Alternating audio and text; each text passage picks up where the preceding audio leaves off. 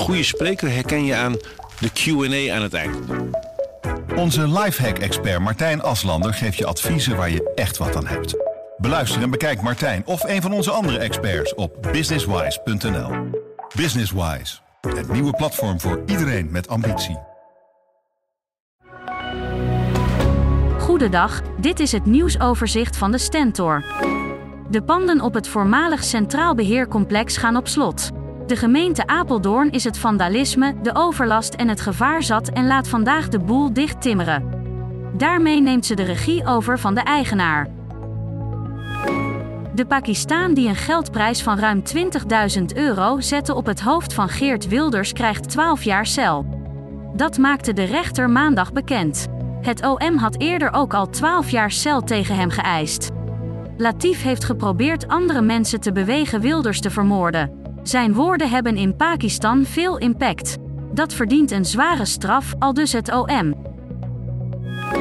Wie een oude schuur met een asbestdak in de tuin heeft staan, doet er goed aan dat spoedig te verwijderen of te vervangen door een gezond dak.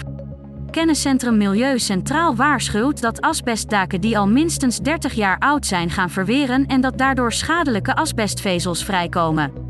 De Vereniging van Nederlandse Gemeenten spreekt van een omvangrijk probleem en roept woningeigenaren op tot actie.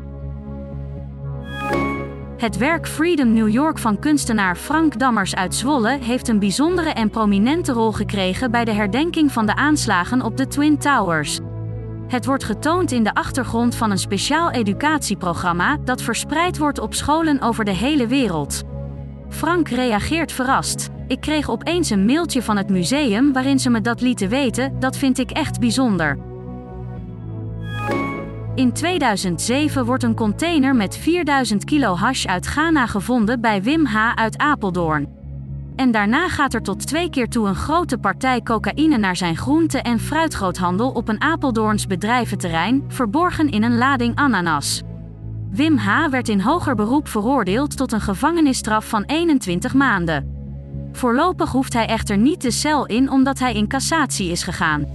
Dat betekent dat de Hoge Raad kijkt of het gerechtshof het recht op de juiste wijze heeft toegepast.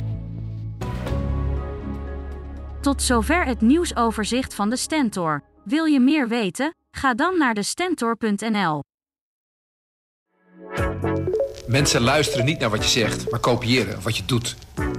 Onze vitaliteitsexpert Martin Hersman helpt je te focussen op wat echt belangrijk is. Beluister en bekijk Martin of een van onze andere experts op businesswise.nl. Businesswise, het nieuwe platform voor iedereen met ambitie.